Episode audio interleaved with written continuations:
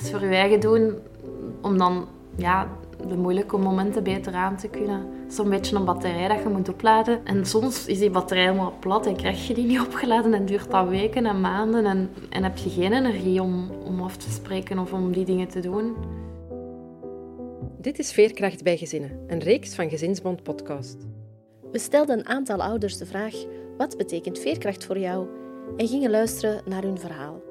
Ik ben Marijke, medewerker gezinsondersteuning bij Gezinsbond. We zijn er eindelijk geraakt, het is gelukt. En ik ben Nadine. Zien we hoe het loopt. Goedemiddag. We komen iets eerder dan verwacht aan bij Marie en Lars. Marie is nog in haar sporten nu en verontschuldigt zich omdat ze nog aan de late lunch zit. We krijgen koffie van Lars en installeren ons aan de gezellige keukentafel. Met Marie en Lars spreken we over hoe het soms anders loopt dan je verwacht. Ze vertellen openlijk over de postnatale depressie. Zit je na het beluisteren van deze aflevering nog met vragen? Contacteer dan je huisarts of je vroedvrouw. Zijn jullie er ook klaar voor? Ja. Ik ben Marie, ik ben 33 jaar. Ik woon in Rotselaar. Ik ben samen met Lars, ondertussen 15 jaar. Eh, Ik werk in Leuven als fiscaal controleur. En sinds januari 2019 ben ik mama van Mil. En een jaar geleden, in oktober, is ons Mona er nog bijgekomen. Dus nu zijn we een gezinnetje van vier. Ik ben Lars, eh, ik ben een jaartje ouder als Marie, 34. Ik werk in Vorst, verre Brussel.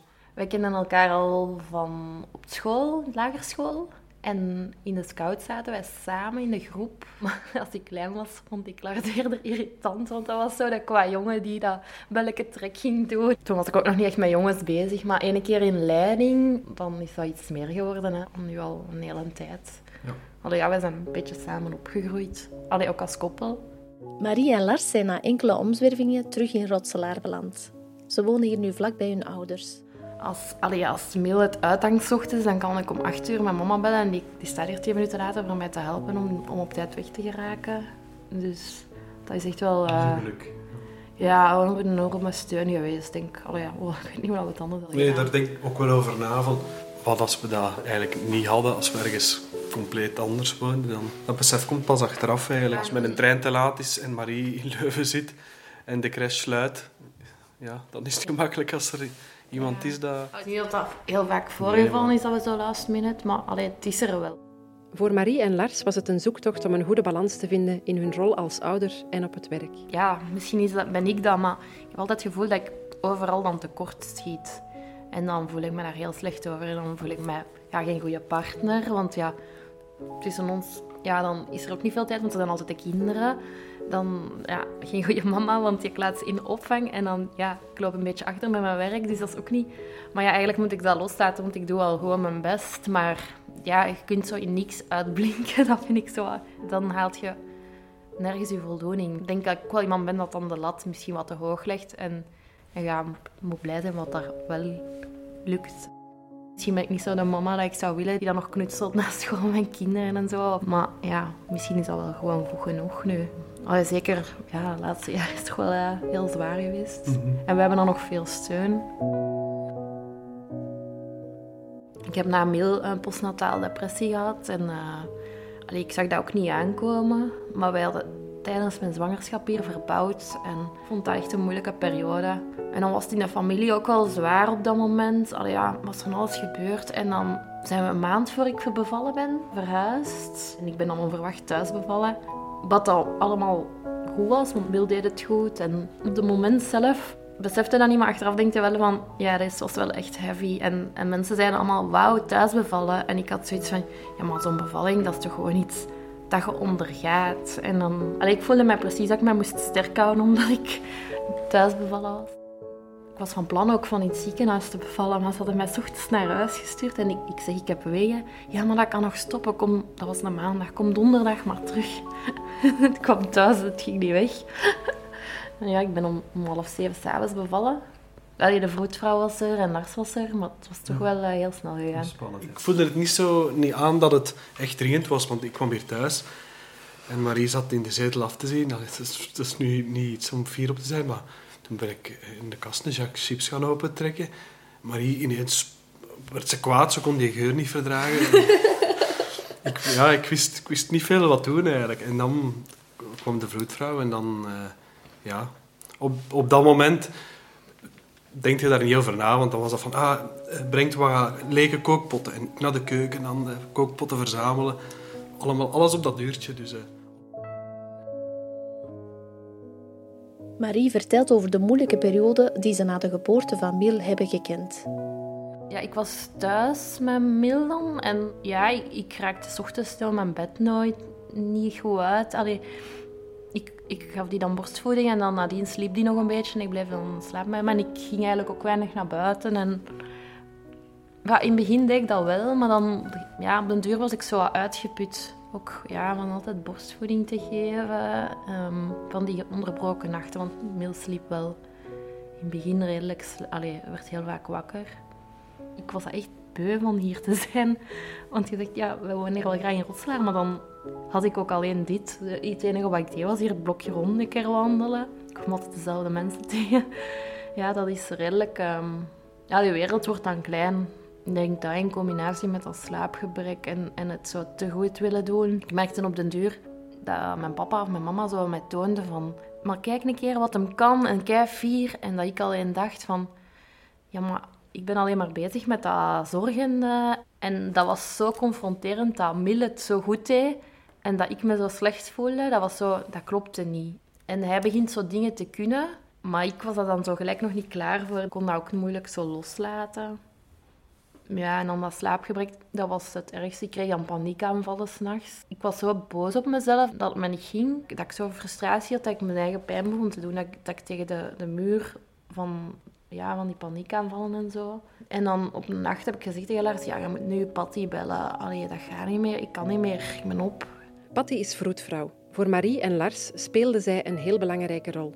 Vroedvrouwen bieden ook een luisterend oor, naast de fysieke zorg voor baby en moeder. Ze zijn er voor het hele gezin.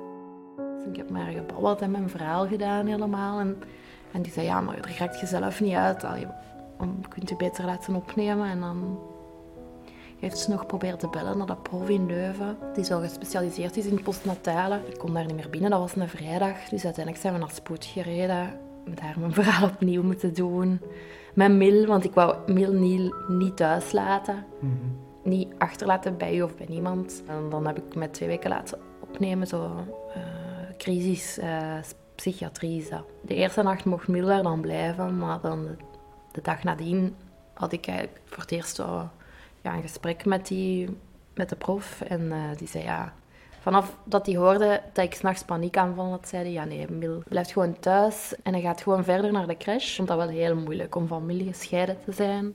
Haar netwerk zorgde ervoor dat ze Mil iedere dag kon zien. En ik had dan nadien de optie, ja, ga ik nog zo'n dagtherapie of probeer ik gewoon ambulant. En ik ben dan bij de psychiater binnengegaan en therapeut. En dan ben ik ook beginnen sporten. Elke dag een groepsles, of was yoga of was pilates.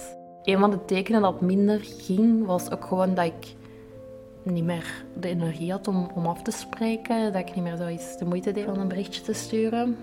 En dat ben ik dan wel ook beginnen doen. Alleen met ups en downs, hè, want ja, dat ging niet altijd even vlot. En dan ook meer en meer zo beginnen dingen inplannen. Dat we bijvoorbeeld in het weekend... Allee, we houden dat helaas niet vol, maar in het begin hebben we dat toch gedaan. Elk weekend een wandelingsje doen met ons drie. De week kwam meer op voorhand plannen dat er zo wat meer rust was ook, ja. Niet dat ze s'avonds thuis kwamen en, en nog moeten denken van, ah ja, wat gaan we eten? Want zo was het wel een beetje, ja. Die hebben dan besloten om voor een tweede kindje nog te gaan. Hoe was het om die beslissing te nemen? Ja, ons Mona was eigenlijk uh, ja, een beetje onverwacht ook. Het was alleszins zes maanden vroeger dan we eigenlijk in ons hoofd eerst hadden. Ja, we waren wel blij. Een beetje in shock ook, maar ja. Na de geboorte van Mona kreeg Marie terug een postnatale depressie. Ja, Lars is na, na de geboorte van Mona een maand thuis geweest. Hij dus dan een week extra verlof opgepakt, want je mocht drie weken thuis blijven. En dan ging hij werken en dat was... Ik was constant zo gestrest precies van... Ik moet dat hier goed doen. Dat kind, dat, dat is van mij afhankelijk en ik moet daar goed voor zorgen. En ik was niet op mijn gemak met haar thuis. Ik had zo het idee dat ik niet goed deed.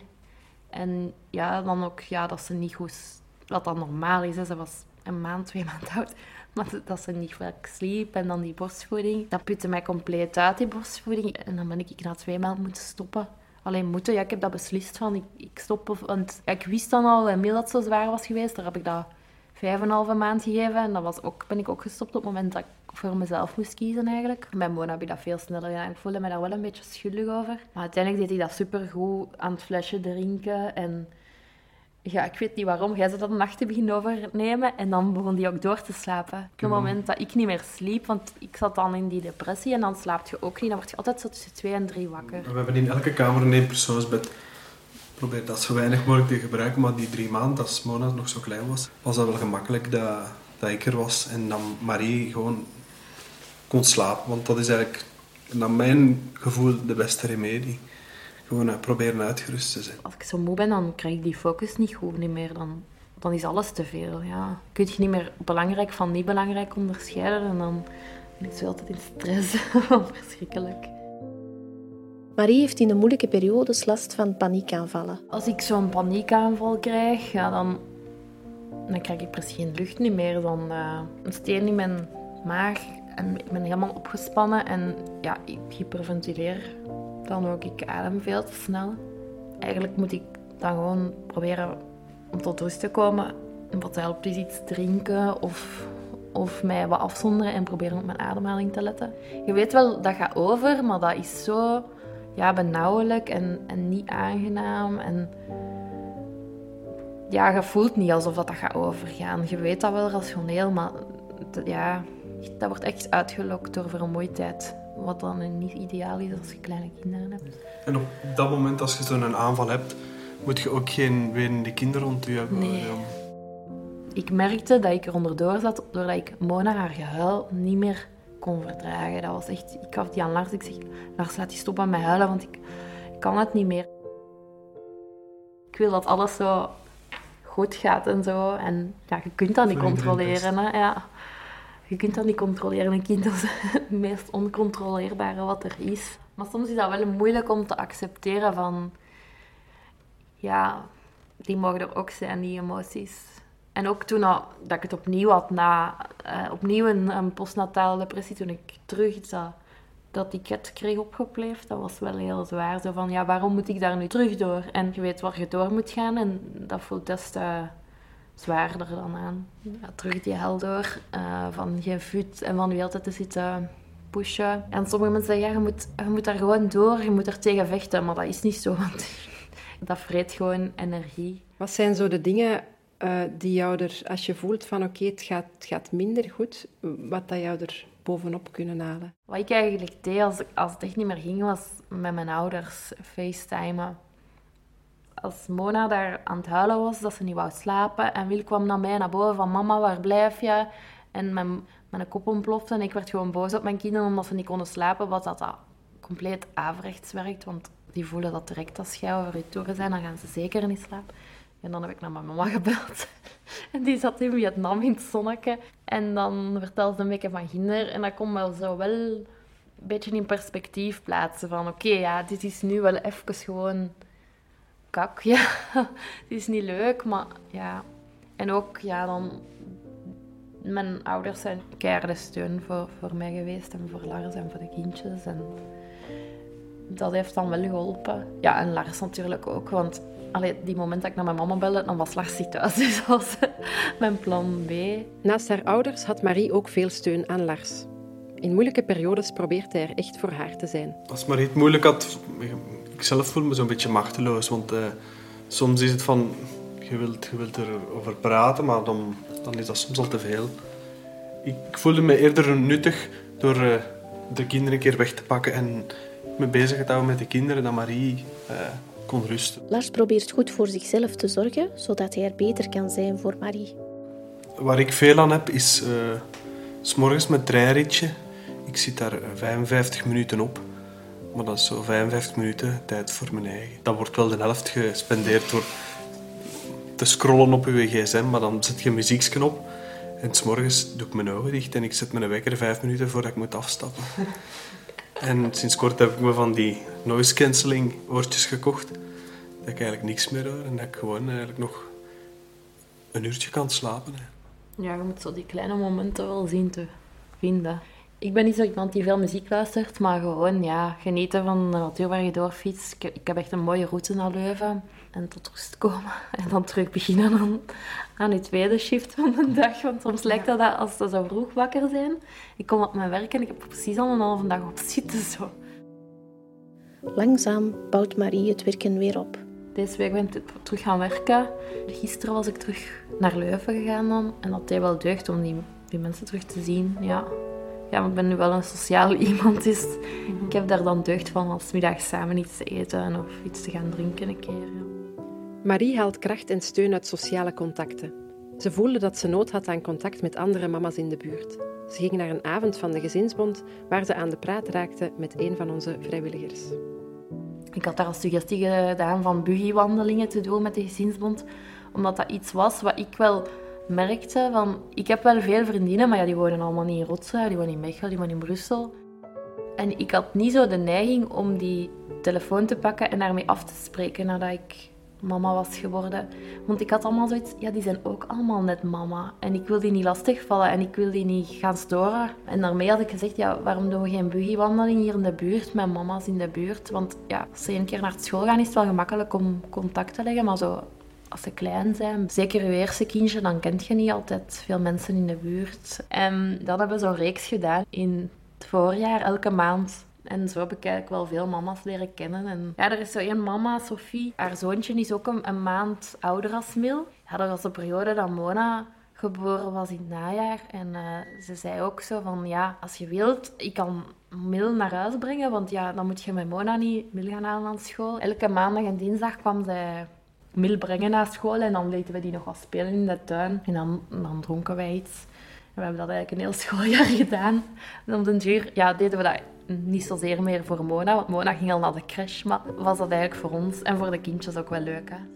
Dat is wel tof en die contacten heb ik gelegd via, via die buggywandelingen. En nu zit de Mil op het verjaardagsfeestje van, uh, van Asse, van die mama dat mij zo gesteund heeft die eerste maanden en, en nu nog. Ja.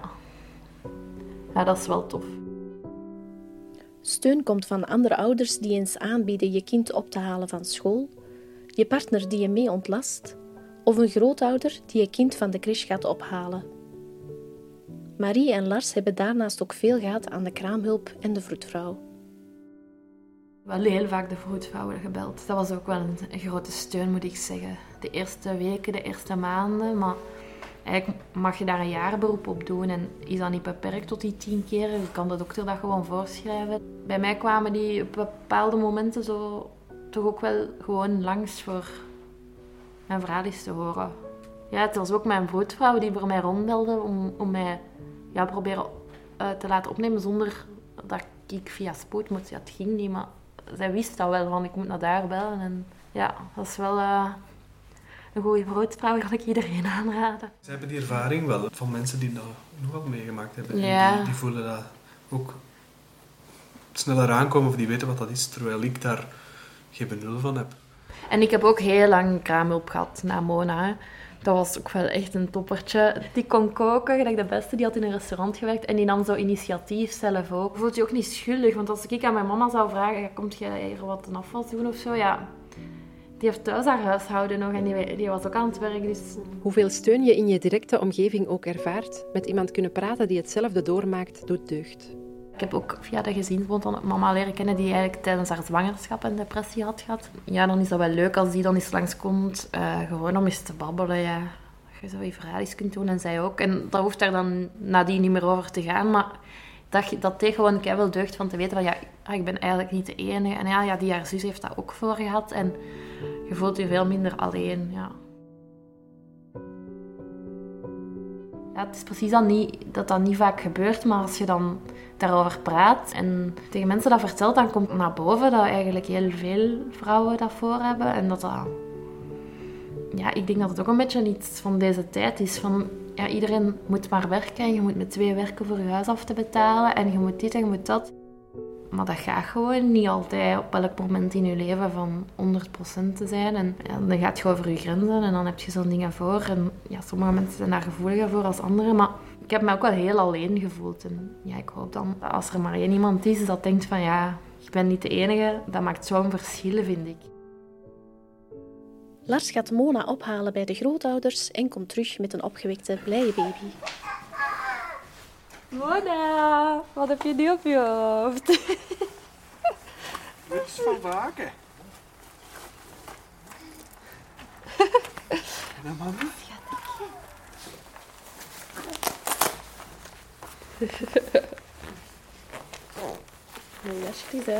Marie en Lars halen ook energie uit de liefdevolle kleine momentjes met het gezin.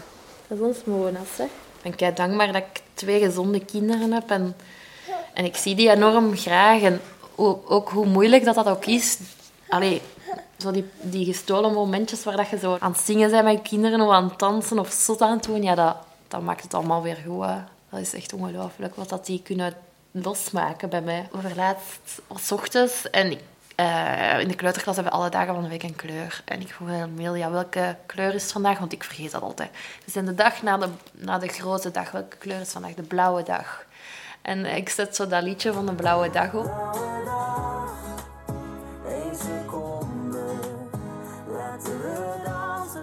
We zijn dan aan het meezingen en de Mil begint ook mee te zingen. Dat was fantastisch.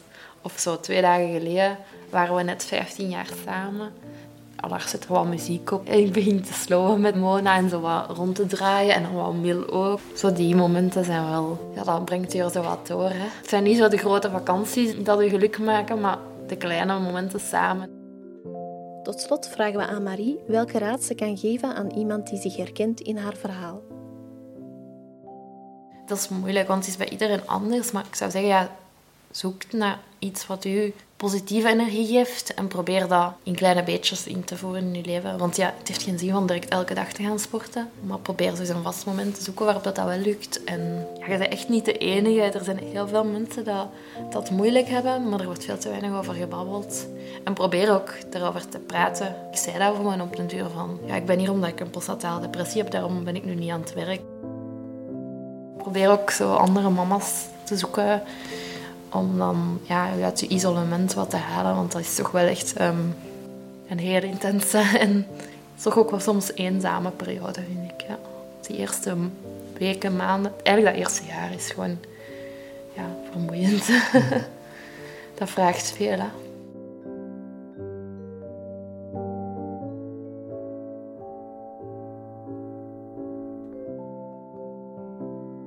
Deze aflevering van Gezinsband Podcast werd opgenomen en gemonteerd door Mieke Witkamp. In Gezinsband Podcast hebben we het graag over opvoeden, relaties en gezinnen. Dankjewel om te luisteren naar deze aflevering over veerkracht bij gezinnen. Vond je het een fijne aflevering? Vertel het dan verder. Wil je meer horen? Volg ons dan en laat ons weten wat je ervan vindt in je favoriete podcast-app of stuur een mail naar podcast.gezinsband.be. Ja, hè?